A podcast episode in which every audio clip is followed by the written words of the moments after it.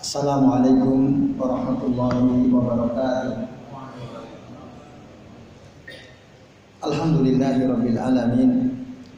Wa bihi nasta'inu ala umuri dunya waddin. Wassalatu wassalamu ala asrafil anbiya'i wal mursalin wa ala alihi wa ashabihi wa man tabi'ahum bi ihsanin ila yaumiddin. Ashhadu an la ilaha illallah wahdahu la syarika lah wa ashhadu anna Muhammadan abduhu wa rasuluh. Allahumma salli wa sallim wa barik ala Muhammad wa ala ali Muhammad kama sallaita wa barakta ala Ibrahim wa ala ali Ibrahim fil alamin innaka Hamidum Majid. Rabbi israh sadri wa yassir li amri wa hlul 'uqdatam min lisani yafqahu qawli amma ba'du. Bapak-bapak dan ikhwas sekalian rahimani wa rahimakumullah. Alhamdulillah pada malam ini atas izin Allah kita bisa berjumpa kembali untuk melanjutkan ngaji kitab Al-Amal Al-Qalbiyah atau At-Tuhfa Al-Iraqiyah bil Amal Al-Qalbiyah karya Syekhul Islam Ibnu Taimiyah rahimahullah. Pada kesempatan malam ini insya Allah kita akan membahas ya tentang akibat orang yang berpaling dari kebenaran. Itu akibatnya apa? Kemudian kita juga akan membahas tentang kejujuran dan keikhlasan. Kira-kira itu insya Allah yang akan kita bahas pada kesempatan malam hari ini. Pada pertemuan yang lalu kita sudah sampai halaman 11 ya kalau tidak keliru. Betul, halaman 11. Sekarang kita akan bahas paragraf kedua. Silakan dibuka halaman 11.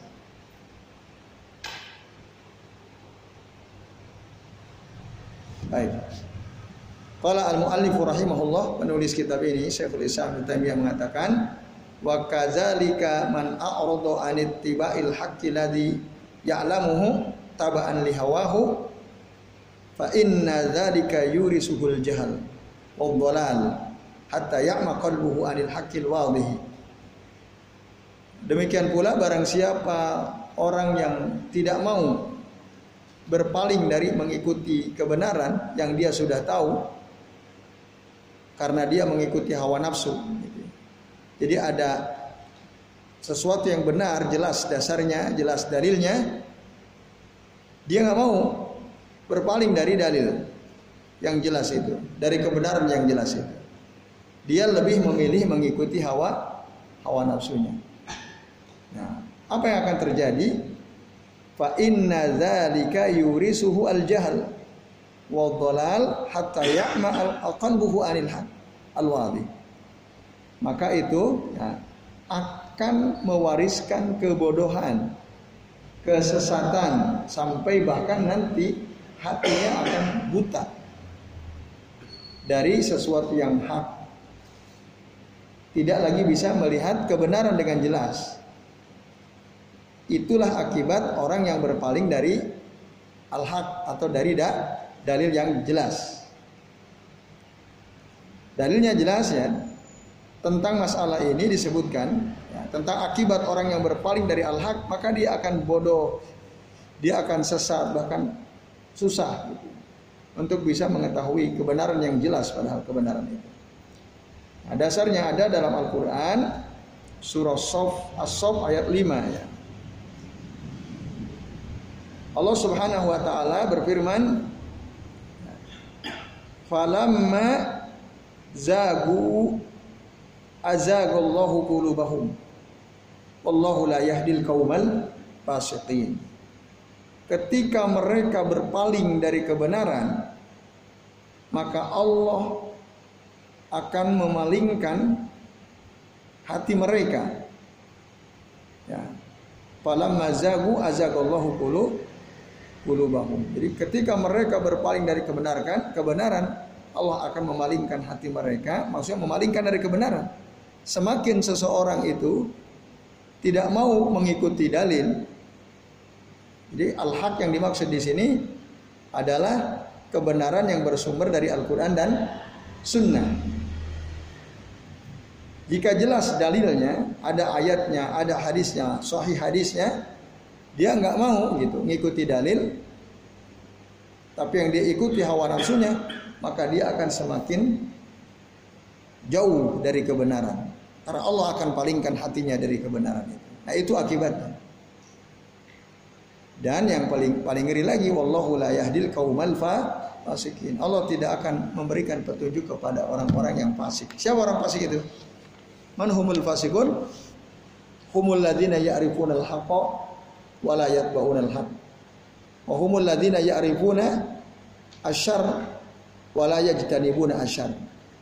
Orang fasik itu ada orang-orang yang tahu kebenaran tapi tidak mengikuti kebenaran atau orang-orang yang tahu keburukan tapi tidak menjauhi kebu keburukan itu orang fasik dan orang seperti itu nggak akan diberi petunjuk oleh Allah Subhanahu Kan ngerinya Bapak-bapak dan ibu sekalian. Jadi kalau dalilnya sudah clear, sudah jelas. Tapi dia nggak mau ikut dalil. Akan begitu terus gitu. Mohon maaf di sana. Ya.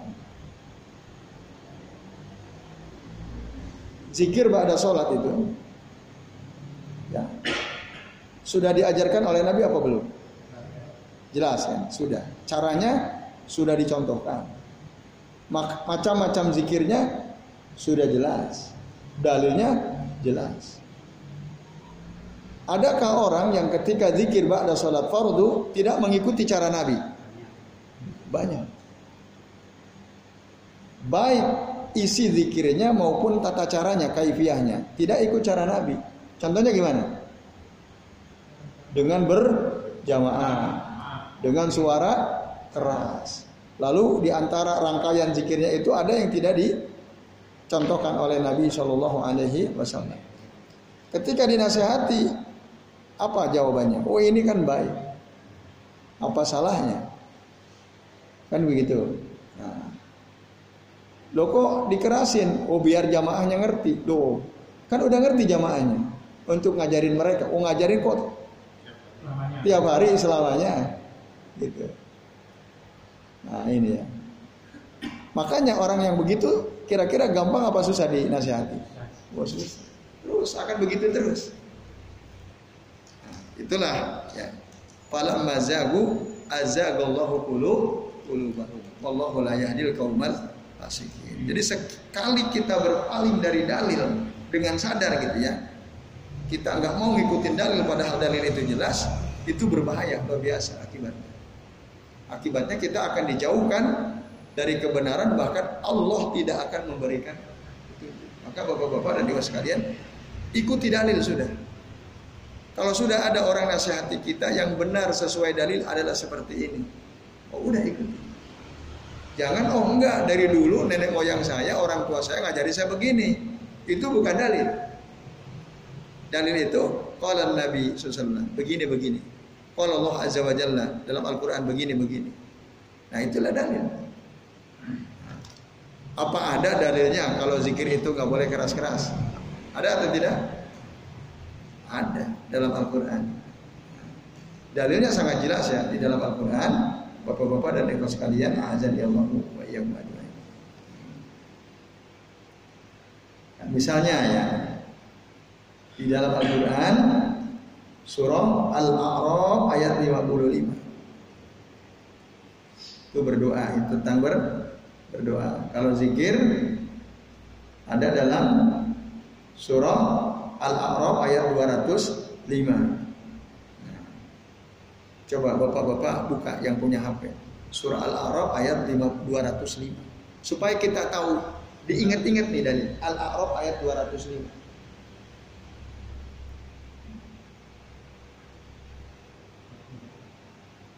Wadhkur rabbaka fi nafsika. Tadarru'an wa khifah dunal jahri minal qawli bil guduwi wal asal wa la takum minal minal ghafilin. 205 coba pasing dibaca mananya surah ke-7 ayat 205.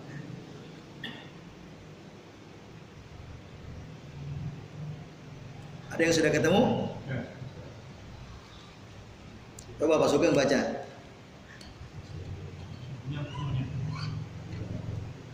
Artinya tadi ayatnya sudah kami baca ya. Wadkur rabbaka fi nafsika tadarru'an wa khifah wa dunal jahri minal qawli bil guduwi wal asal wa la takum minal ghafilin. Dan ingatlah Tuhanmu dalam hatimu. Nah, dan ingatlah Tuhanmu itu maksudnya berzikirlah. Kan wadkur rabbaka. Ingat itu maksudnya berzikirlah pada Allah terus? Dalam hatimu. Dengan rendah hati dan rasa takut. Dengan rendah hati dan rasa takut. Dan dengan tidak mengeraskan suara. Nah, dan dengan tidak mengeraskan suara. Hmm? nah, artinya harus zikir terus gitu ya. Nah, jelas sekali bapak-bapak dan ibu-ibu serta ikhwas sekalian berdasarkan ayat ini bahwa yang namanya zikir itu kaifiahnya tidak dengan suara keras. Tapi faktanya banyak di antara kaum muslimin yang ketika zikir ba'da sholat fardu suaranya dika, dikerasi. Nah kayak ini ngikutin dalil atau ngikutin hawa nafsu coba kira-kira. Hawa nafsu. Itu contoh banyak terjadi di tengah-tengah kaum muslimin. Akibatnya apa? Tadi dia ya, akan mendapatkan kejahilan, kesesatan, bahkan hatinya jadi buta. Takmal kulu anil hakil wadhihi sampai dia tidak bisa membedakan lagi ya, kebenaran padahal kebenaran itu sangat jelas. Ya baik, itu yang pertama dasarnya. Yang kedua Bapak Ibu dan sekalian, dalam surah Al-Baqarah ayat 10 ya Allah Azza wa Jalla berfirman fi qulubihim maradun fazadahumullahu marada. Ya, artinya apa? Pada hati mereka mereka yang maksud siapa? Orang-orang kafir atau orang munafik. Ya. Di dalam hati mereka ada penyakit maka Allah tambah fazadahumullahu maradah.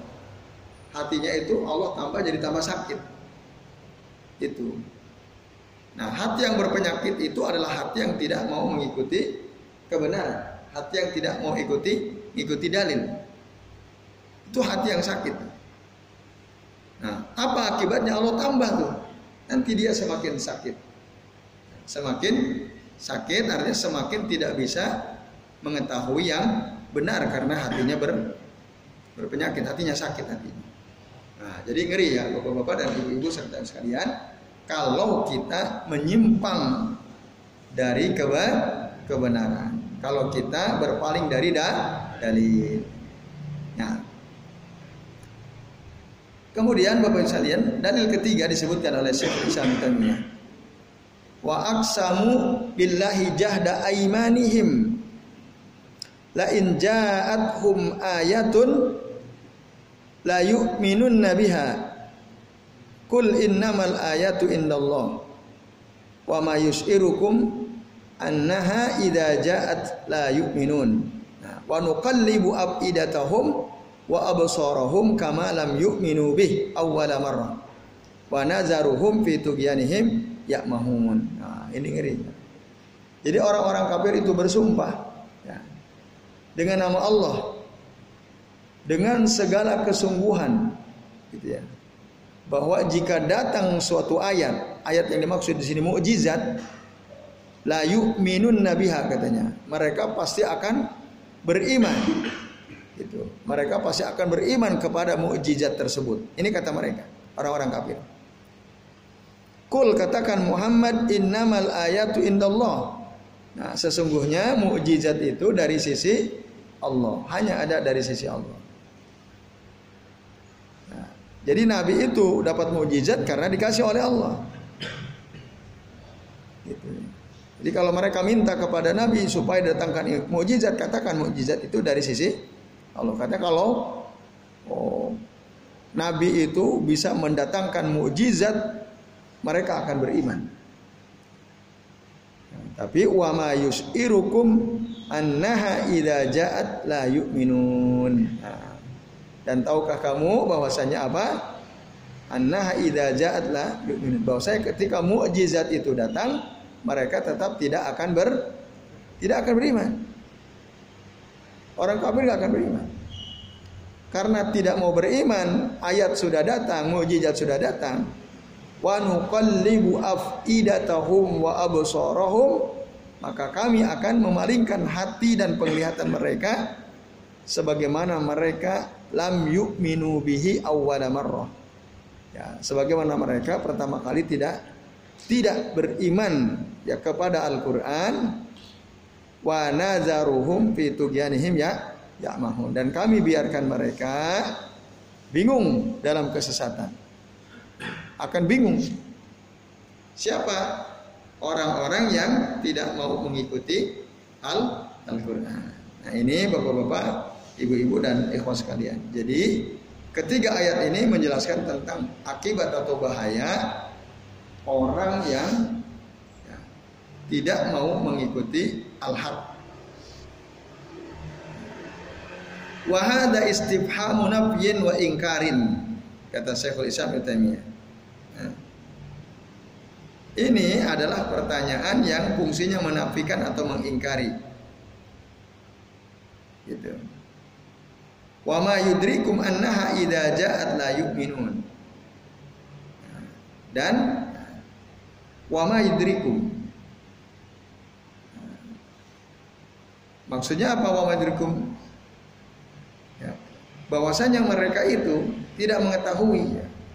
Annaha idza ja'at bahwasanya mujizat itu ketika datang la minun mereka tidak beriman wa inna lanuqallibu afidatahum. Dan sesungguhnya kata Allah kami akan membalikan ya kami akan memalingkan hati mereka penglihatan mereka sebagaimana mereka tidak beriman. Ya sebagaimana mereka tidak tidak beriman di awal ya di seperti pertama kali ya mereka tidak beriman kepada Al-Qur'an. Wa ala qiraati man qara'a innaha bil kasr ya bil kasri berdasarkan bacaan ya mereka yang membaca innaha dengan kasrah setelah wa ma yusirukum itu. Ada yang membaca annaha ada yang membaca in innaha. Maka takunu jazman. Ini menjadi maknanya suatu kepastian ya bi annaha idza ja'at la yu'minun bahwa ketika mukjizat itu datang mereka orang-orang kafir tidak akan beriman. Makanya hati mereka penglihatan mereka dibalik dipalingkan oleh Allah taala nah, sebagaimana mereka tidak beriman dulunya pertama kali. Nah, maka akhirnya Allah biarkan mereka berada dalam kesesatan. Bingung ya, fitugyanihim ya ya mahmud. Nah, ini Bapak-bapak dan Ibu sekalian. Apa ini? Bahaya dari berpaling bahaya berpaling dari keba kebenaran. Maka jangan sekali-kali berani menentang dalil. Kalau udah disampaikan dalil kepada kita, ikutilah dalil. Apalagi yang menyampaikan sangat jelas ya disebutkan dalilnya sebutkan nih hadis sahih atau tidak riwayat siapa. Nah, sementara yang kita lakukan ternyata tidak sesuai dalil. Ya tadi contohnya dalam Al-Quran dalilnya kalau zikir seperti apa? Nah, tapi kita nggak mau ngikutin dalil itu. Lebih memilih ngikutin hawa nafsu. Nah yang terjadi nanti ditinggalkan Allah. Bingung dalam kesesatan mereka sendiri ini bapak-bapak dan ibu sekalian. Maka ada dulu ya seorang ulama salaf seperti Sa'id bin Zubair wa ghairuh dan yang lainnya mereka mengatakan inna min sawabil hasanatil hasanah. Sesungguhnya pahala kebaikan itu adalah keba kebaikan. Balasan kebaikan adalah keba kebaikan. Min sawabil hasanah al hasanah ba'daha.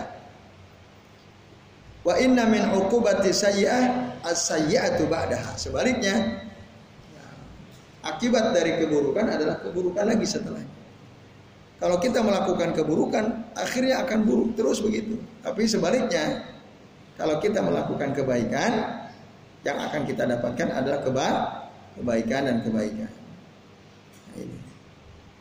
Ini ya, Bapak-bapak dan ibu sekalian, azan ya Allah wa menurut keterangan dari para ulama salaf seperti Said bin Zubair ya, rahimahullah. Juga yang lainnya. Jelas sampai sini ya. Jadi ya kalau ingin dapat kebaikan ikutilah. Ya, dalil mengikuti dalil ada suatu kebaikan yang terjadi kita akan semakin tenang, akan semakin mantap mengikuti Quran dan Sunnah, akan semakin yakin tidak ragu dengan Quran dan Sunnah. Itu. Dan akan semakin Kalau dalam majelis seperti ini tentu ustadznya bertanggung jawab menerangkan. Ustadznya wajib menerangkan apakah dalilnya sahih atau tidak. Itu seperti tadi misalnya di kajian Masjid Al Irsad kami membahas tentang hukum jual beli pakai uang pakai uang muka panjer pakai DP itu boleh atau tidak boleh atau tidak bapak-bapak boleh boleh walaupun ada hadis misalnya Nah Rasulullah Sallallahu Alaihi Wasallam an bayin urban. Rasul melarang jual beli pakai panjer uang muka. Nah ini hadis doain. Saya sampaikan dan wajib. Ya seorang ustadz yang menyampaikan kajian ketika dia mengutip hadis sebisa mungkin dia menjelaskan apakah ini hadis yang sahih atau tidak atau setidaknya dia menyebutkan ini hadis riwayat si siapa itu, itu Pak, Singgi. Tidak mudah untuk mengetahui apakah hadis itu sahih atau tidak. Bagi orang yang tidak belajar di bidang itu, oh repot, repot. Nah, alhamdulillah kami dulu belajar ya, karena dulu waktu kami kuliah atau bahkan waktu kami di pondok kami belajar ilmu namanya ilmu musolahul hadis, ilmu tentang ya, musolahul hadis ya. Jadi teori teori yang berkaitan dengan ilmu hadis nah, diterangkan bahwa hadis sahih itu syaratnya apa. Gitu. Kalau tidak memenuhi syarat itu, lalu bagaimana konsekuensinya dan seterusnya. Waktu kuliah juga kami belajar, alhamdulillah jurusan kami dulu Quran dan hadis ya. Waktu S1, S2 juga studi Al-Quran dan hadis ya. Jadi Nah, dari situlah kita jadi tahu. Membaca banyak kitab, lalu didiskusikan dan seterusnya. Oh, ternyata syaratnya ini. Misalnya hadis sahih itu syaratnya apa? Satu ittisal sanad, syaratnya nyambung. Yang kedua, misalnya ada latur ruwat. Para perawinya adil, orang-orang baik. Yang ketiga, dobutur ruwat. Para perawinya hafalannya bagus hafalannya. Ketika mendengar hafal disampaikan seperti yang dia dengar, baik secara tertulis maupun secara lisan. Kemudian yang keempat ada musujud misalnya. Tidak ada kejanggalan dalam hadis tersebut. Apa yang dimaksud janggal? Tidak bertentangan dengan hadis yang lebih kuat. yang terakhir ada mulillah, tidak ada penyakit dalam hadis itu. Nah itu syarat suatu hadis dikatakan sahih. Nah itu bahasa Inggris. Nah, tapi tadi langkah paling sederhana bagi kita sebagai tolib adalah apa? Yang menanyakan kepada ustadz yang mengajar misalnya, ditanyakan. Dalam satu majelis ada seorang ustadz menyampaikan, amalkan ini dasarnya ini. Boleh nggak kita sebagai tolib bertanya, maaf ustadz, itu hadisnya saya atau tidak? Boleh atau tidak? Boleh. Mungkin lupa beliau menjelaskan. Ya. Kalau tidak enak di depan orang banyak, ya nanti pas setelah rampung tanyakan. Jadi itu cara paling gampang untuk mengetahui apakah suatu dalil itu sahih atau tidak. Dan seorang dai, seorang ustadz dosa besar kalau dia berbohong. Misalnya hadis yang dhaif dia bilang sahih ini sahih. Supaya orang itu mengamalkan seperti amalan dia. Padahal ternyata hadisnya dhaif misalnya. Wah, itu bahaya yang kayak gitu.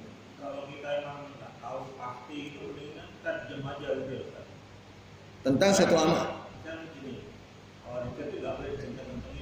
Nah, Dia nanya dari apa? Kita nggak ngerti, ini kita diem aja. oh gitu. Ya, Kalau nggak backgroundnya nggak kuat, kita mending diem aja. Oke, ya betul, seperti itu ya. Makanya ketika kita mendapat ilmu harus dicatat tuh kayak gitu itu. Saat misalnya kita bahas sekarang bahwa zikir ba'da sholat fardu itu dikerasin atau tidak? Dikerasin atau tidak? Yang sesuai tuntunan? Tidak kan? Dalilnya apa? Udah. Nah, tadi kan udah dibahas. Udah dibahas belum tadi? Nah, nah, nah maka begini begini. Ketika kita hadir di majelis ilmu, maka ilmu yang kita dapatkan, nah itulah bekal kita sebenarnya untuk kita sampaikan kepada orang lain, untuk kita jelaskan. Caranya gimana tuh? Biar pas kita hadir di majelis ilmu dapat ilmu. Dicat, dicatat. Kalau yang nggak bisa nyatat biasanya direkam. Nah, kayak Pak Bambang nih. Nah, beliau ngerekam.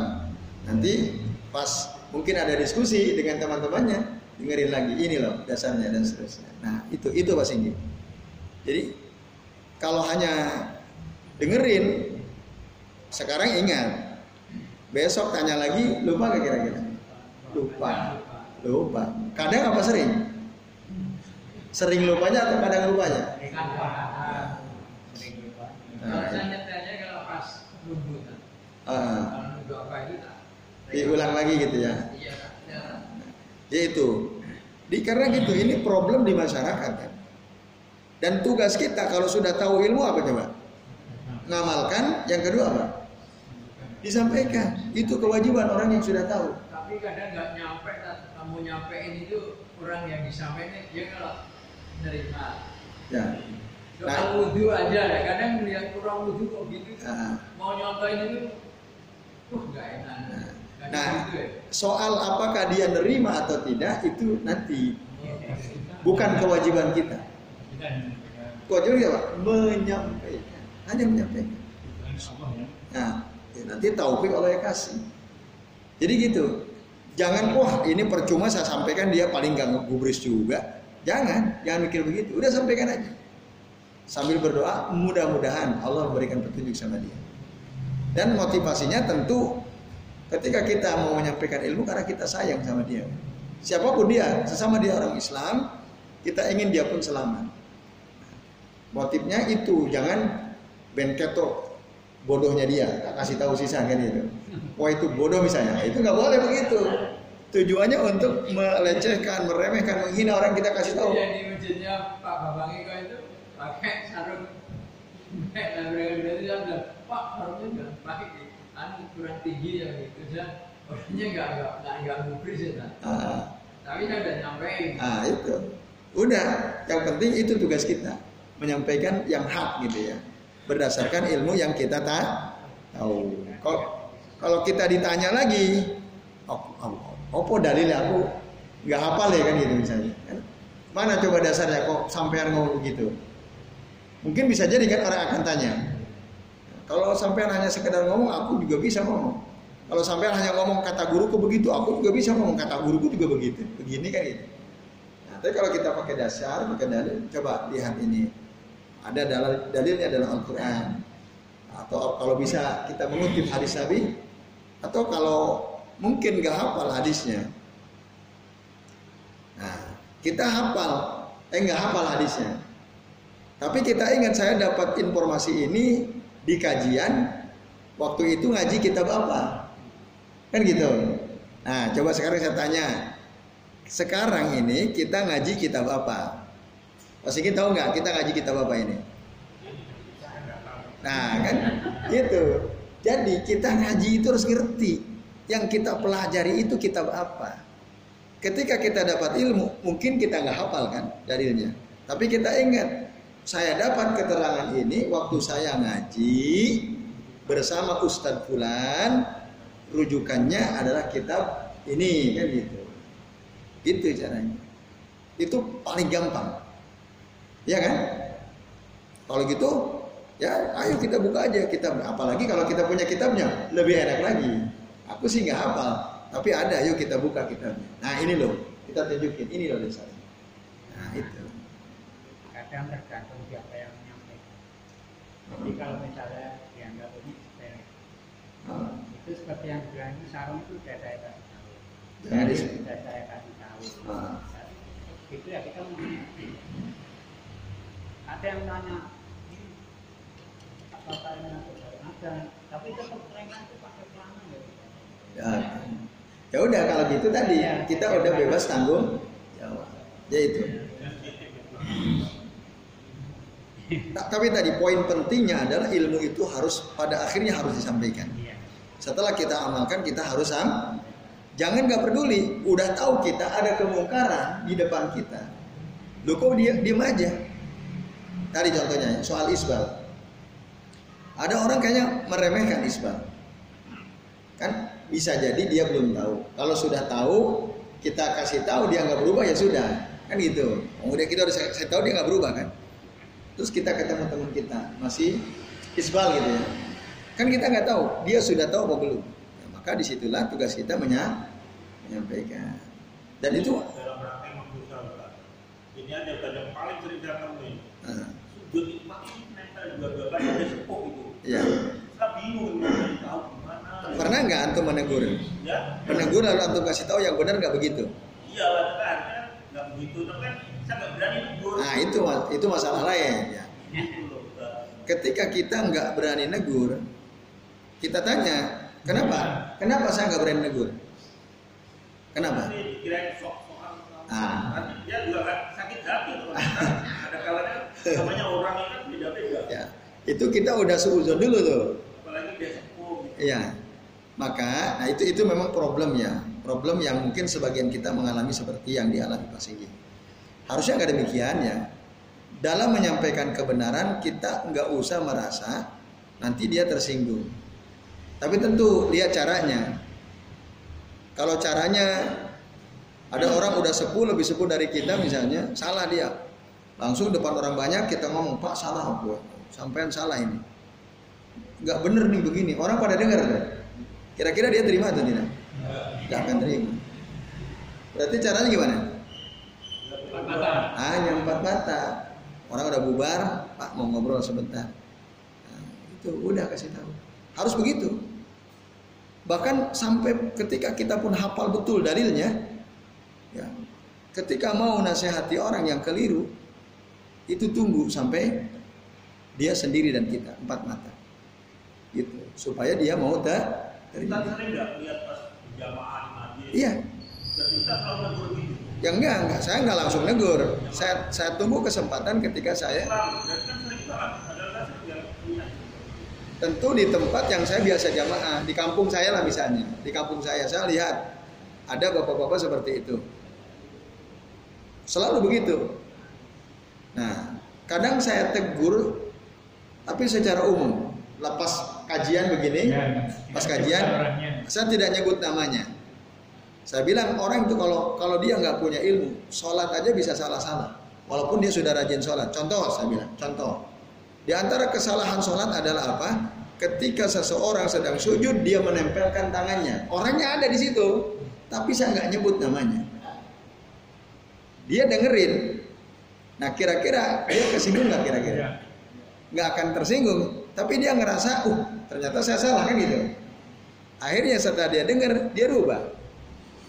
Tapi ada juga rutin jamaah, jamaah sholat rutin. Tapi setiap kali ada kajian nggak mau ikut. Nah itu lebih repot kalau gitu kan. Ada itu yang kayak gitu pak. Caranya gimana? Saya betul-betul nyari waktu yang pas antara saya dan dia. Di- Saya butuh waktu mungkin cukup lama. Sampai pada akhirnya ada satu kesempatan saya belum keluar, orang sudah keluar semua dari masjid. Ketika saya mau pulang ya dia balik ke masjid si bapak ini. Langsung saya ngobrol. Kekeliruan apa? Dia kalau ruku meletakkan tangannya di tulang kering, di tulang kering. Salah apa benar itu? Saya tanya Pak, saya jenengan lututnya sakit apa? Oh, enggak, saya sehat kok tadi. Oh sehat? Tuh. Ah, Nggak, belum tahu, emang belum tahu. Kan tahu. Oh saya udah tahu kalau belum sehat maksud saya. Kan mulai basa-basi dulu kan. Ma- ma- maka masa langsung jadi kan salah loh enggak kan? Tanya dulu. Ya siapa tahu dia sakit kan? Kata dia enggak saya sehat. Orangnya gagah. Terus eh, kok saya lihat kalau jenengan ruku tangannya nggak pernah di lutut. Loh, emang yang benar gimana? Nah, kan tanya tuh. Yang yang benar gimana kan? Yang benar Pak saya bilang, ketika kita ruku, tangan itu berada di atas lutut bahkan seakan-akan me, apa, menggenggam lutut dengan jari direnggangkan. Ulu aku baru ngerti ya tadi. Nah, beliau, beliau bilang aku baru ngerti. Tak kira ya koyo ngono kayak oke itu. Kan dia nggak mungkin ruku tengah tengok samping kanan kiri kan. Dia fokus. Nah, nah, setelah itu alhamdulillah sekarang udah berubah.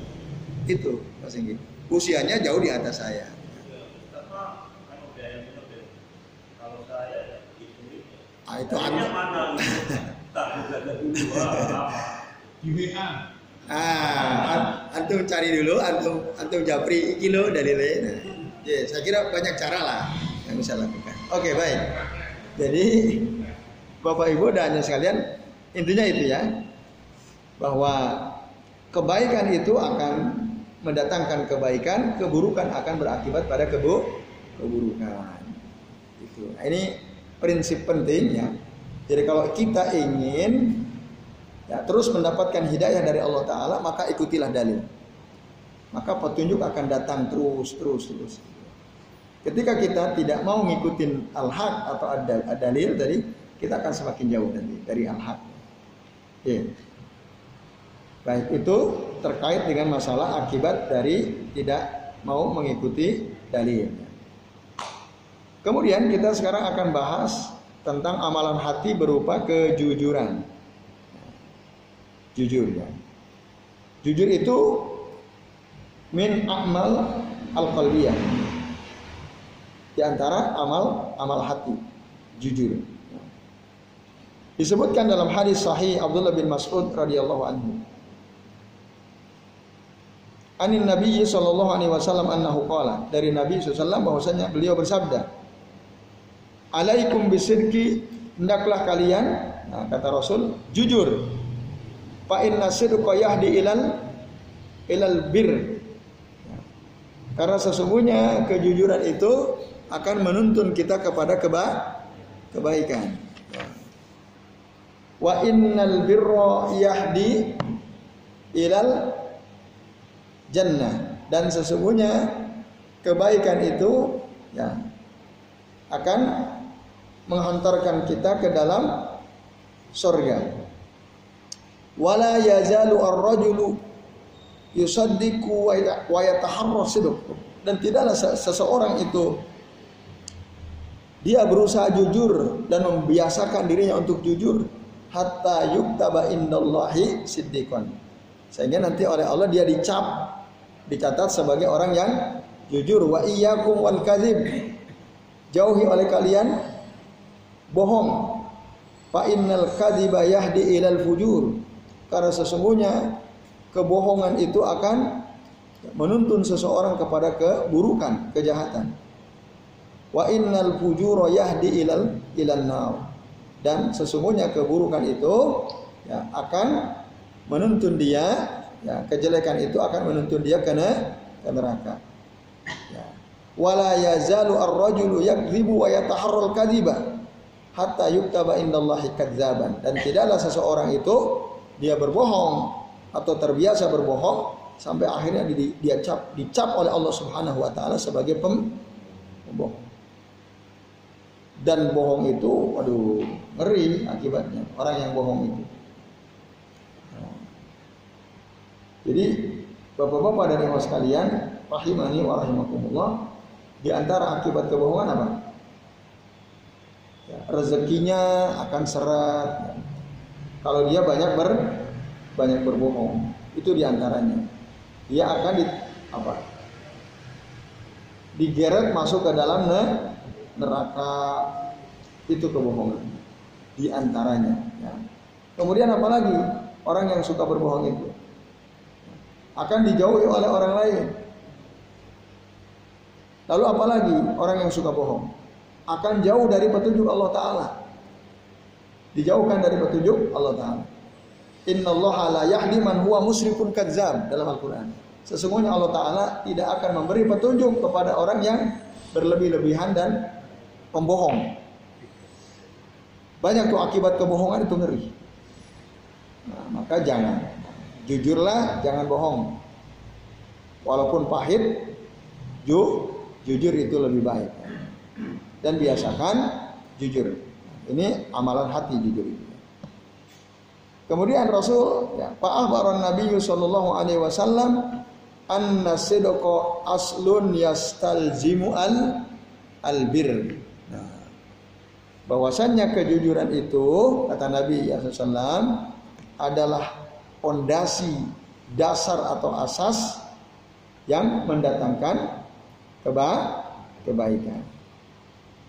Wa annal kadhiba dan kedustaan kebohongan itu yastalzimu al ujuro adalah apa? sebagai pondasi atau asas atau dasar yang bisa mendatangkan ke kejelekan atau keburukan.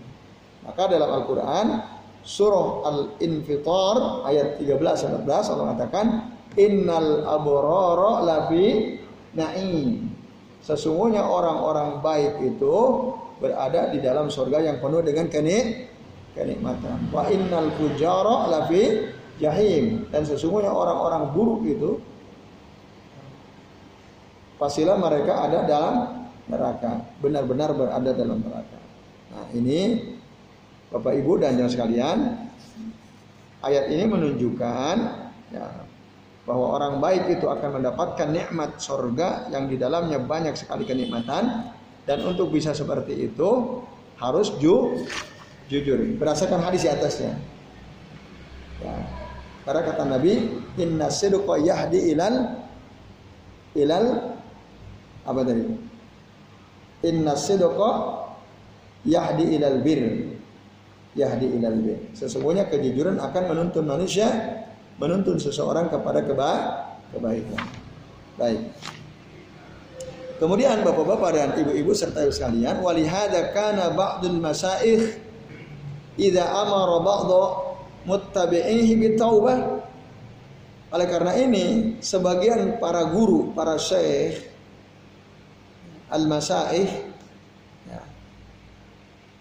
mereka idza amara ba'dha muttabi'ihi bitaubah ketika mereka menyuruh sebagian dari muridnya ya mereka ketika akan menyuruh apa sebagian muridnya atau pengikutnya untuk bertaubat wa ahabba alla yunafiruhu wa yut'ibu qalbahu amarahu bisidqi. Nah, gitu. Maka apa yang dilakukan oleh syekh tersebut supaya dia tidak lari agar hatinya tidak lelah maka dia si syekh atau si guru ini akan menyuruh muridnya untuk jujur. Gitu. Untuk jujur. Walihada yaksur fi kalami masakhiddin wa a'immatihi dzikru syirki wal ikhlas hatta yaqulu. Oleh karena ini banyak ya, terdapat pada perkataan para guru para masyayikh itu ya maksudnya orang-orang yang paham agama para ulamanya mereka menyebutkan tentang kejujuran dan ikhlas sampai ada di antara mereka mengatakan kul katakan liman la yasduku la yutbiuna Barang siapa yang tidak jujur, jangan ikuti kami. Mungkin jangan ikuti majelis kami kalau tidak mau ju jujur. Itu. saking pentingnya kejujuran maka para guru dulu para masyayikh betul-betul memperhatikan. Tentang kejujuran orang-orang yang ada di hadapannya yang ikut ngaji bersama. Baik. Kemudian wayakul, wayakulu Para ulama itu berkata, As-sidqu saifullah fil ardi. Kejujuran itu merupakan pedang Allah di muka bumi. Ma wudi'a ala syai'in illa qata'ahu. Tidaklah pedang itu diletakkan pada sesuatu kecuali sesuatu itu pasti terpotong. Kecuali ter terpotong. Nah, jadi kejujuran itu diibaratkan seperti pedangnya Allah kita jujur misalnya di suatu tempat ya, tempat kita kerja. Kita jujur. Nah, terus jujur. Walaupun mungkin banyak teman-teman tidak ju jujur misalnya. Nah, maka kelak nanti pada akhirnya kejujuran orang tersebut akan menghentikan ketidakju ketiga pada akhirnya akan seperti itu. Maka menurut sebagian ulama mengatakan asidku saifullah fil ardi wa ma wada'a ala syai'in illa qata'ahu. Kejujuran itu adalah pedang Allah di atas muka bumi dan tidaklah kejujuran diletakkan di atas sesuatu kecuali dia pasti akan meng, apa memotongnya Kemudian Syekh Yusuf bin Asbad dan yang lainnya mengatakan ma sadaqallahu ma sadaqallahu abdun illa suni alahu. Ya artinya tidaklah ya ma sadaqallahu ma sadaqallahu abdun illa suni'a suni alahu. Nah, yang artinya apa? Tidaklah ya, seseorang itu jujur seorang hamba itu jujur kepada Allah melainkan dia akan kena akan apa? Allah akan membantunya membantu orang tersebut. Dan pernyataan seperti ini banyak sekali ya dari kalangan para ulama salaf. Baik itu tentang pentingnya keju kejujuran. Nah, jujur dan ikhlas itu syiarnya orang mukmin. Dan tidak ada pada diri orang munafik kejujuran. Kan dikatakan wasidku wal ikhlasu huma fil haqiqati tahqiqul imani wal islam.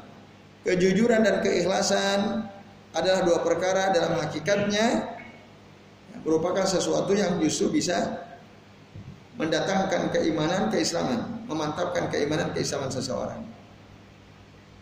Maka orang yang menampakkan keislaman itu, kata saya Islam Taimiyah, terbagi pada tiga golongan. Siapa orang yang menampakkan keislaman itu yang kosimuna ilah ya, maaf pada dua golongan ya. Yang pertama mukminun, yang kedua munafikun. Jadi bedanya orang mukmin sama orang munafik di mana? di soal keju kejujuran. Orang munafik jujur gak kira-kira? Enggak, karena tidak orang munafik apa? Apabila dia berbicara dia bohong. Tidak haddasa kadzaba. Nah, itu. Tidak haddasa kadzaba. Baik, Bapak-bapak dan ibu-ibu serta ibu sekalian, rahimani wa rahimakumullah ya. Jadi itu bedanya antara orang mukmin dan orang munafik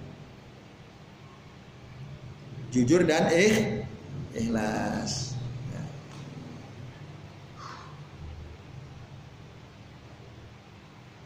Dasar dari kemunafikan kalau kalau pondasi atau dasar akar dari keimanan adalah jujur, sementara dasar atau pondasi dari kemunafikan adalah tidak apa?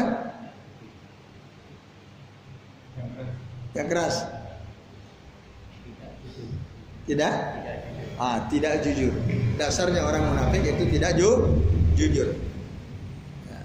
Maka pak asal asasun nifaq alladhi yubna alaihi wa al al kadhib. Ya. Kemunafikan itu dasarnya pondasinya adalah ya, dia dibangun di atas kebo kebohongan. Itu walihada idza dzakarallaha haqiqatal iman na'atahu bisidqi. Ketika Allah menyebutkan hakikat keimanan, Allah pasti dalam ayatnya akan mensifati dengan ju jujur na'atahu bisidqi. Contoh seperti dalam Al-Qur'an surah apa ini? Al-Hujurat ya. Ayat 14 15 Allah mengatakan qalatil a'rabu amanna orang Arab itu dia mengatakan kami beriman. Kul lam tu'minu. Katakanlah ya Muhammad bahwa kalian belum beriman walakin kulu aslamna tapi ucapkanlah katakanlah aku berserah diri ya aslamna ya, berislam artinya nah itu Kenapa demikian? Walamma yadkhulul imanu fi qulubikum karena kala itu belum masuk keimanan dalam hati mereka.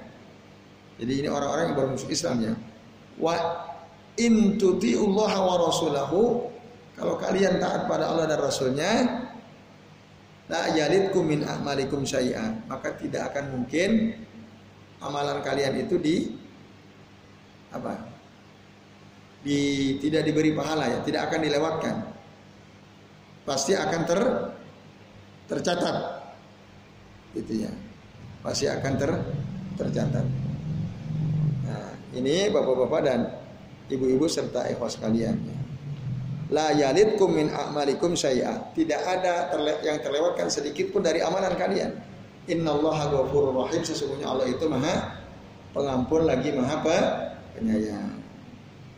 Nah, bapak-bapak ibu-ibu dan Hadirin sekalian rahimani wa rahimakumullah. Kemudian Syaikhul Islam menyebut lagi dalil yang menguatkan tentang pentingnya jujur. Di antaranya disebutkan di dalam surah Al-Hujurat ayat 14 15. Kemudian di antara dalil yang menguatkan yang lain adalah ada dalam Al-Qur'an surah Al-Hasr ya. Surah Al-Hasr ayat 8. Nah, itu ya. Jadi jelas ayatnya disebutkan.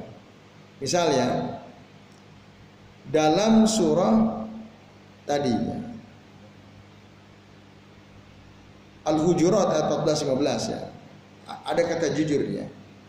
Allah taala berfirman, "Innamal mu'minuna alladzina amanu billahi wa rasulihi, summa lam yartabu." Orang-orang beriman itu hanyalah orang-orang yang beriman kepada Allah dan hari dan Rasul Rasulnya semalam yartabu kemudian mereka tidak ragu. Ya yakin. Nah wajahadu bi amwalihim wa anfusihim. Lalu mereka berjuang dengan harta dan diri mereka. Fi sabilillah di jalan Allah ulaika hum humus sadiqun. Mereka itulah orang-orang yang jujur. Itu. Mereka itulah orang-orang yang jujur. Allah langsung mengatakan ulaika hum humus shadiqun. Ya. Atau dalam ayat yang lain ada juga itu. Lanjutannya ya. Bagaimana lanjut ayatnya? Innamal mu'minuna alladzina amanu billahi wa rasulihi. Sesungguhnya orang-orang beriman yang beriman kepada Allah dan Rasulnya, sumalam yartabu. Tapi mereka tidak bertaubat, wajahadu bi awalihim wa anfusihim fi sabilillah ulaika humus shadiqun. Jadi maaf. Kemudian mereka tidak ragu-ragu dalam beriman kepada Allah Rasulnya, tidak ragu-ragu sama sekali. Dan bahkan mereka ya bersungguh-sungguh mengeluarkan harta mereka, berjihad dengan diri mereka di jalan Allah. Mereka itulah orang-orang yang apa? Ju jujur. Ulaika humus shadiqun. Baik, ya. Maka di sini Allah menerangkan bahwa orang-orang jujur Fa akhbaru anna shadiqina fi da'wal iman humul mu'minuna alladzina lam lam ya, yuta'aqqab imanuhum apa? lam yuta'aqqab imanuhum raibatun. Yang keimanannya itu tidak terkena keragu-raguan. Nah itu, itu orang asidikun. Jelas ya? Tidak akan terkena keraguan. Wadzalika anna hadza huwal ahdul ma'khud 'alal awwalina wal akhirin kama qala Allah taala. Jadi inilah ya, yang diambil dari orang-orang terdahulu atau orang belakangan ya, seperti ya, yang di, dikatakan oleh Allah Taala di dalam Al-Quran surah Ali Imran ayat 81 Bapak-bapak dan ibu sekalian bisa buka di halaman 16 Allah mengatakan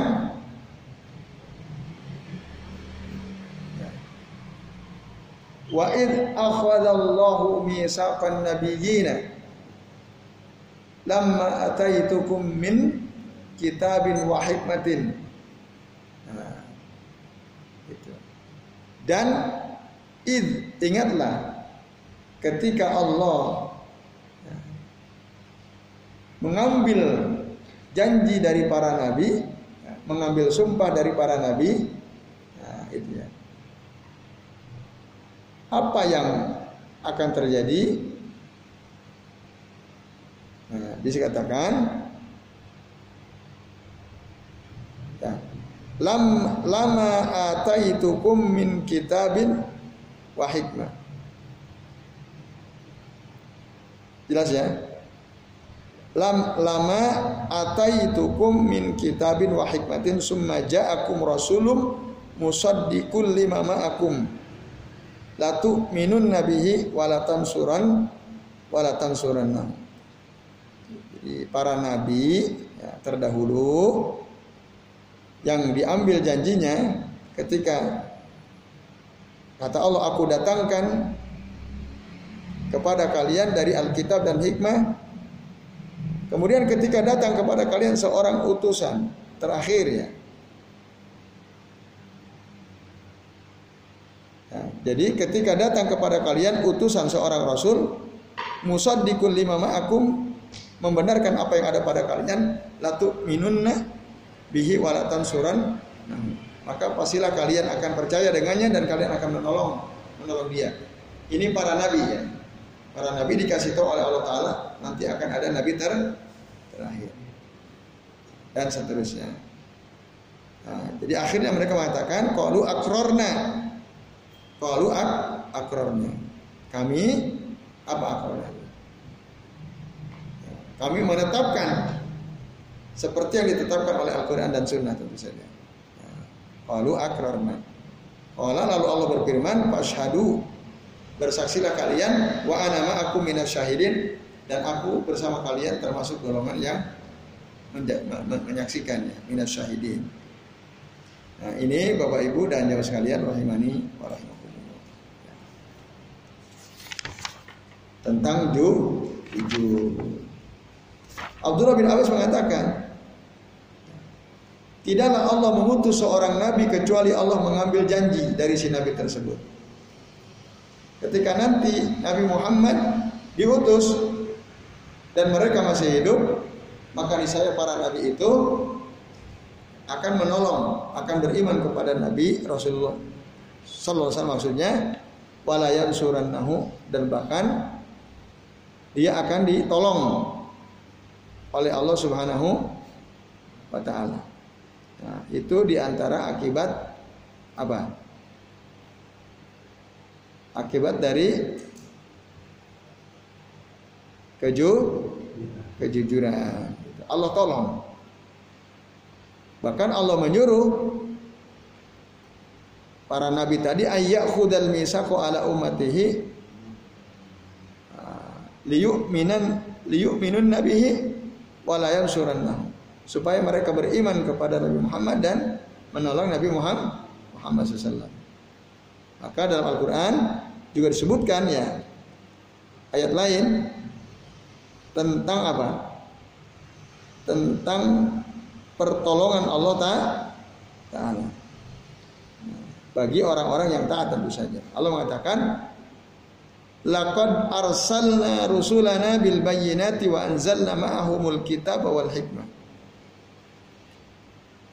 Sungguh telah kami utus utusan-utuskan kami dengan bil bayinat ya keterangan-keterangan. Wa anzalna ma'ahumul kitaba. Dan telah kami turunkan bersama mereka Alkitab. Wal mizana. Dan timbangan atau mizan. Dan apa? Wa anzalna ma'ahumul kitab kami turunkan bersama mereka Alkitab Al-Qur'an wal mizan. Nah, mizan di sini sebenarnya ya untuk menguatkannya li, liyakuman nasu bil kis supaya mereka ya untuk menegakkan di tengah-tengah manusia ke keadilan. Lalu kemudian pada ayat berikutnya menjelaskan tentang besi ya. Manfaat besi bagi manusia dan supaya Allah tahu supaya apa? Allah tahu waliya'lamallahu man yansuruhu wa rasulahu. Siapa yang menolong? Ya. Siapa yang menolong? Yang menolong Allah dan siapa yang menolong roh Rasulnya supaya Allah tahu.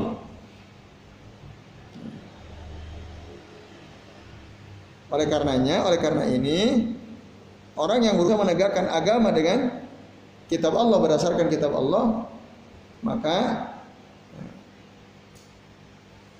dia itu ya, Yahdi akan apa?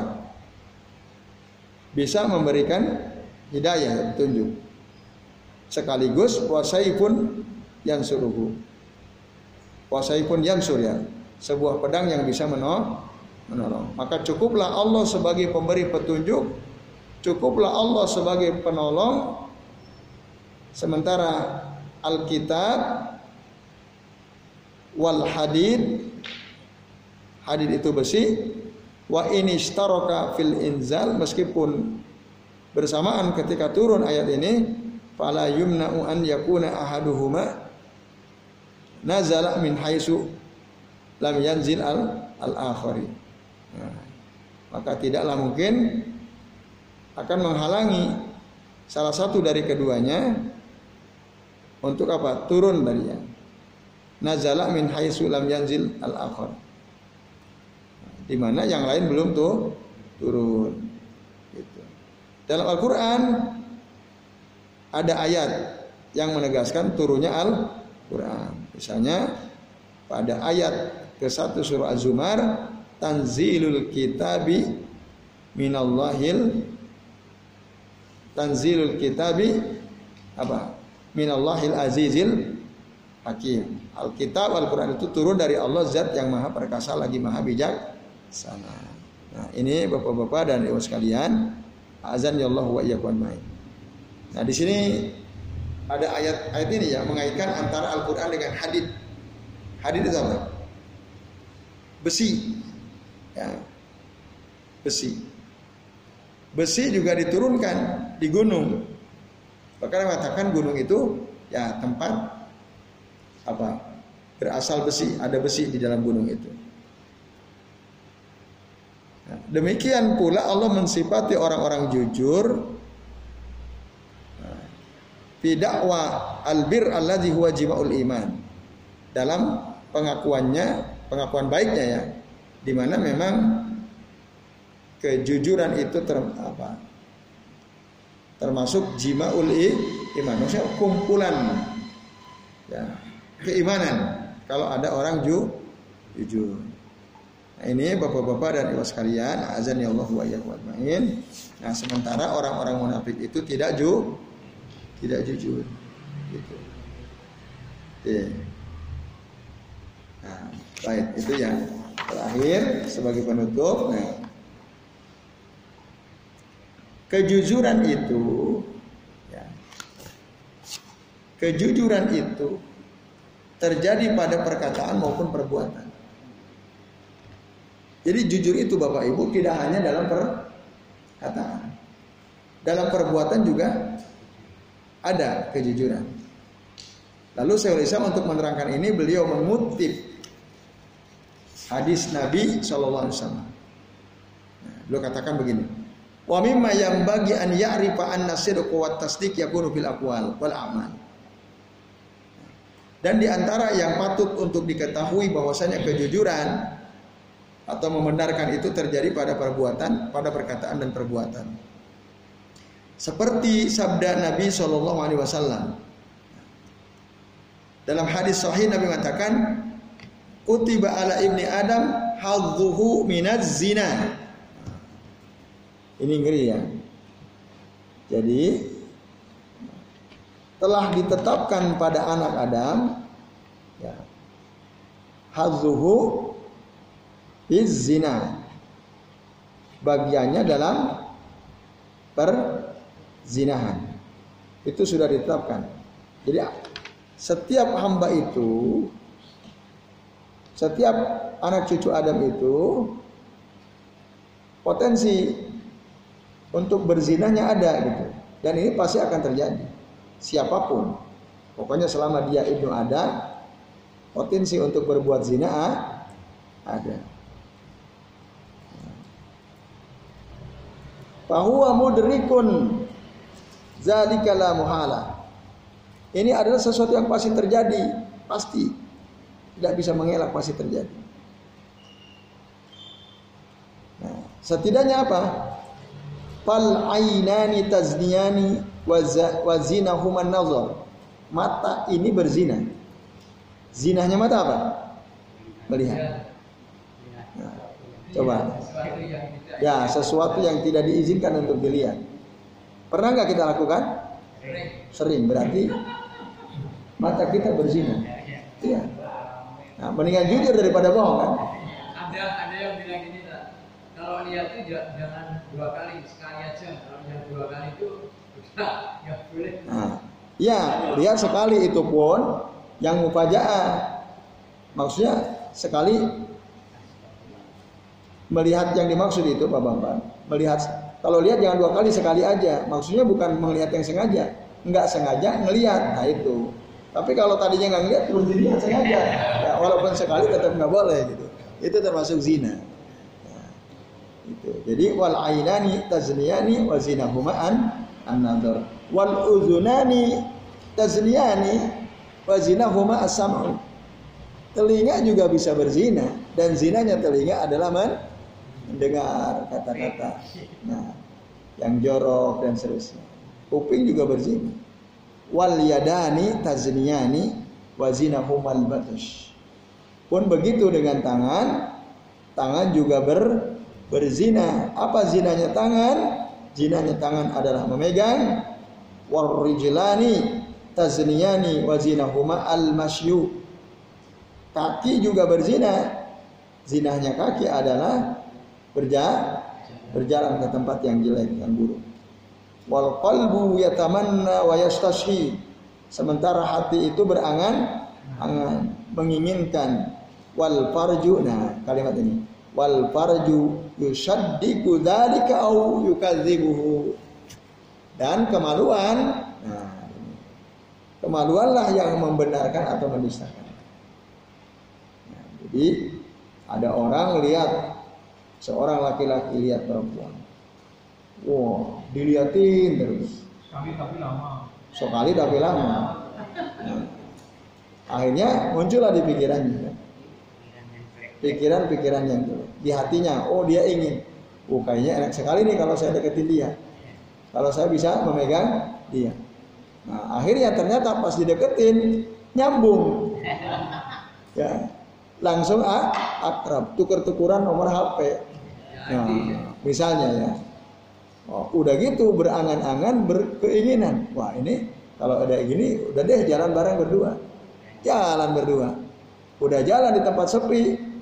Nah, padahal dalam hatinya ingin menginginkan si orang tersebut. Nah, akhirnya yusaddiqu dzalika al-farj wa yukadzibuhu. Kemaluan yang berperan nih. Jadiin atau tidak? Akhirnya ternyata jadi. Nah, berarti kemaluan membenarkan ya, pandangan mata ya, yang awalnya lewat pandangan mata. Nah, kata wal farju yusaddiqu dzalika au yukadzibu inilah menunjukkan bahwa ya apa tadi? Kejujuran itu atau pembenaran itu terjadi pada perbuat pada perbuatan. Ketika orang berzina berarti dia membenarkan kan? membenarkan kesalahan yang dilakukan atau dia yukadzibu mengingkari tidak membenarkan atas dik itu membenarkan asinku itu keju kejujuran ya baik bapak-bapak dan ibu-ibu serta sekalian saya kira ini dulu ya jadi sampai halaman 22 ya. Dari halaman berapa tadi 11 oh nggak terasa 11 halaman ya betul 22. Y. Sementara ini ini sudah jam 10 lewat seperempat ya. Jadi kita cukupkan nah, pembahasan kita sampai di sini. Insya Allah nanti kita akan lanjut di pertemuan yang akan datang. Baik, sebelum diakhiri, apakah ada hal yang mau ditanyakan? Ya, monggo. Pasti.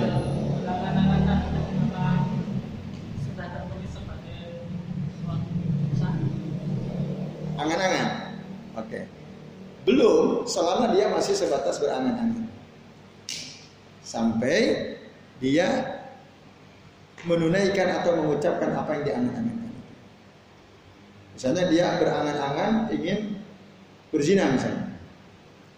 Baru dalam pikiran itu belum berdosa. Tapi ketika dia sudah ucapkan ngomong ke temannya, "Eh, aku mau zina ya." Nah, misalnya, aku mau berzina gitu. Nah, dia udah ucapkan berarti niatnya udah diomongin. Nah, itu sudah mulai dicatat. Apalagi benar-benar dia lah. Kalau bayangkan aja. Kalau muncul tiba-tiba nggak berdosa, tapi kalau dia pancing-pancing sendiri, nah, nah itu bisa berdosa, gitu. Jadi membayangkan kan gitu maksudnya. Ah, berimajinasi. Nah, berimajinasi. Apa yang dilakukan setelah itu? Nah, kalau ada yang lakukan ya dosa. Nah, jelek-jelek ya berimajinasi tentang sesuatu yang buruk kalau dia lakukan nah, itu jelas berdosa. Tapi kalau tiba-tiba muncul gitu bayangan, oh kayaknya kalau begini enak tentang keburukan gitu. Tapi kemudian ya dirinya mengingkari ya enggak deh. Nah, itu nggak berdosa. Kalau hanya baru sebatas angan, angan-angan. A'lam istighfar. Ya, nah lebih baik langsung isi astagfirullahaladzim. Ya, betul itu. Baik, silakan. kalau sekilas pandangan apakah bisa? Bisa ya? Maksudnya gimana sekilas pandang? Melihat seseorang itu Ah, sekilas gitu, nggak sengaja. Pas antum naik sepeda di jalan, oh itu siapa? Kok cantik sekali gitu ya? Ah, tidak sengaja. Itu enggak. Bilangi enggak? Bilangi enggak? Ya, kalau antum berpapasan nggak sengaja gitu ya. Waduh, cantik sekali gitu misalnya. Antum melihat seorang wanita gitu ya. Uh, cantik. Dosa nggak? Enggak. Tapi kalau antum tengok lagi, ah itu udah mulai berdosa antum. Yang pertama kan nggak sengaja. Ah, gitu. Jadi, ah, ah, itu itu udah sengaja itu. Kalau suwe ada unsur sengaja, sengaja. Gitu bang. Kalau sekilas, insya Allah. Kalau. Hah? Kan aku punya teman itu selalu ketemu selalu saya. Perempuan laki-laki. Wah. Tapi enggak ada An- antum nggak ada syahwat sama sekali. enggak ada sama sekali itu. Ah. Jadi tak anggap itu Saudara. aja gitu loh. Ya. Itu gimana? Antum tahu nggak dia punya syahwat nggak? Gimana? Antum tahu dia punya syahwat nggak sama antum? Dia Oh enggak. tahu. Tahu. Tahu apa nggak tahu? Enggak. Enggak. Dia enggak punya, enggak punya. Tahu. Sama-sama. Nah, Nah, itu dosa atau tidak? Tetap berdosa. Punya syahwat atau tidak? Karena bukan. Karena dalilnya jelas kata Nabi, ya bi, bi ayyut ana ra'su ahadikum bi min hadidin khairul lahu min an yamusa imra'atan la tahillu lahu. Ditusuk kepala salah seorang di antara kalian dengan jarum dari besi itu lebih baik baginya daripada dia menyentuh tangan seorang wanita yang tidak halal baginya. Ah, jadi kalau ada Ya, mulai sekarang antum aduh afwan, kita bukan mahram. Jangan. Nah, karena akibatnya azabnya itu lebih ngeri daripada kita kepala kita ditusuk-tusuk pakai jarum. Salaman nggak boleh. Nggak boleh. Juga ya. Oh, kalau salaman gini boleh, nggak sentuhan. Nggak boleh. Salaman nggak boleh.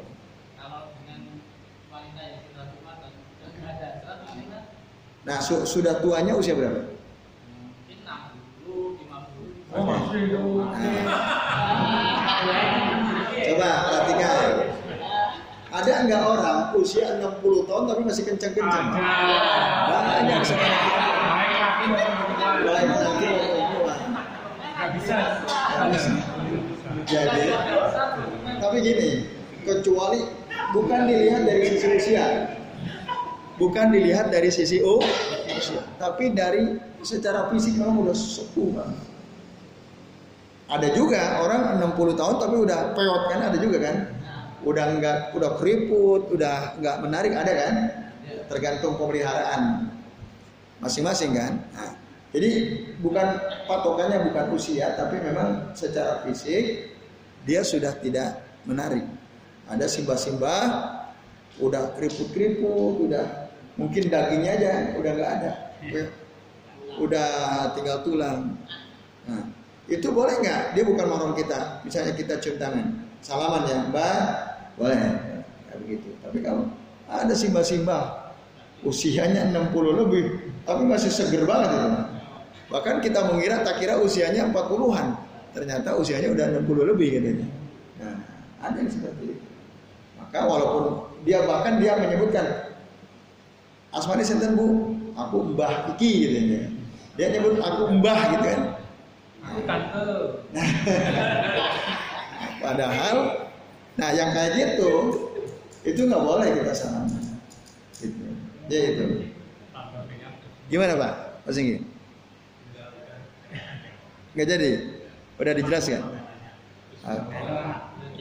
Ada hadis yang mengatakan kalau sama bibi itu boleh boleh. Sama bibi? Boleh, bibi kan mahram. Bibi mahram. Kalau anaknya bibi, Bibi itu kan anu, misalnya istrinya adiknya bapak bibi itu ya bule, ya boleh. bule, adiknya bapak atau adiknya ibu. Oh itu mahram. Kalau adiparnya Maksudnya?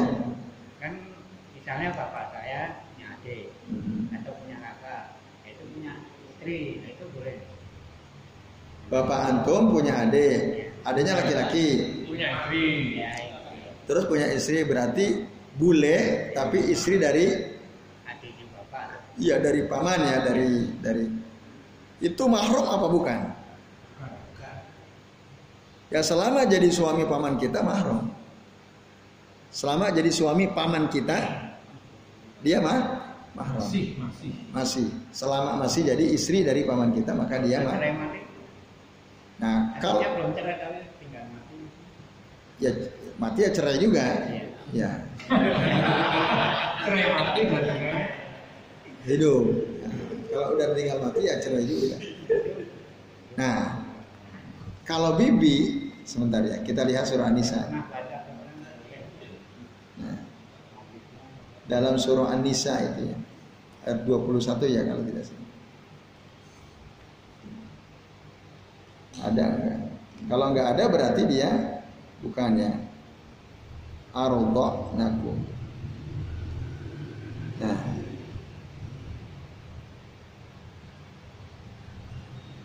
wa ummahatukum allati arda'nakum wa akhwatukum minar radha'ah wa ummahatu nisaikum wa rabaibukum allati fi hujurikum min nisaikum allati dakhaltum bihinna fa illam takunu dakhaltum bihinna fala.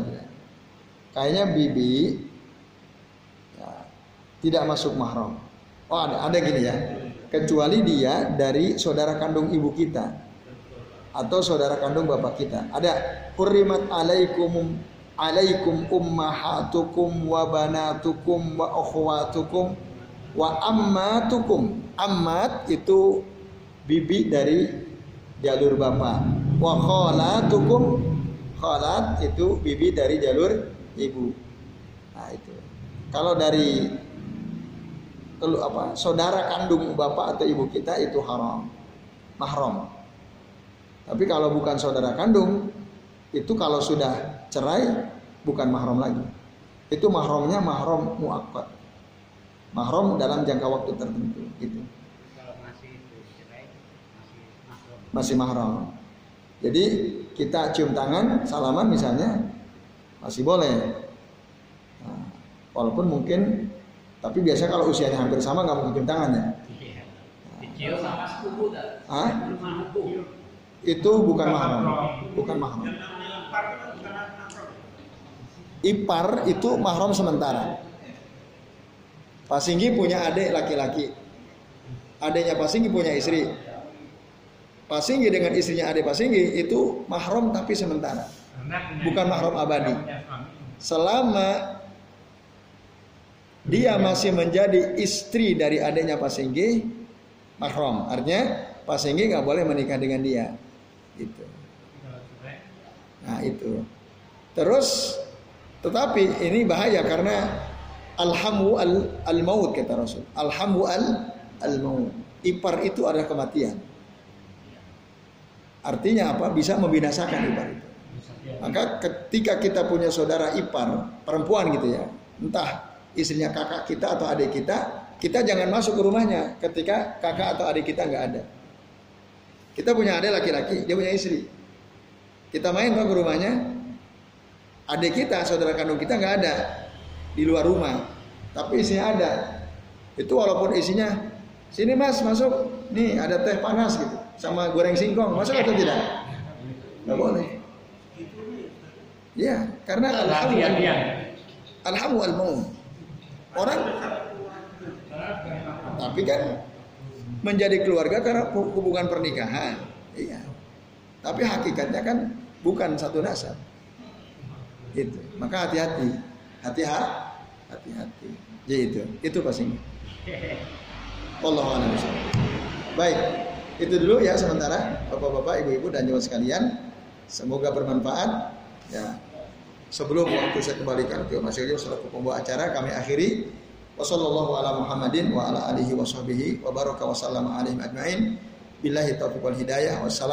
warahmatullahi wabarakatuh.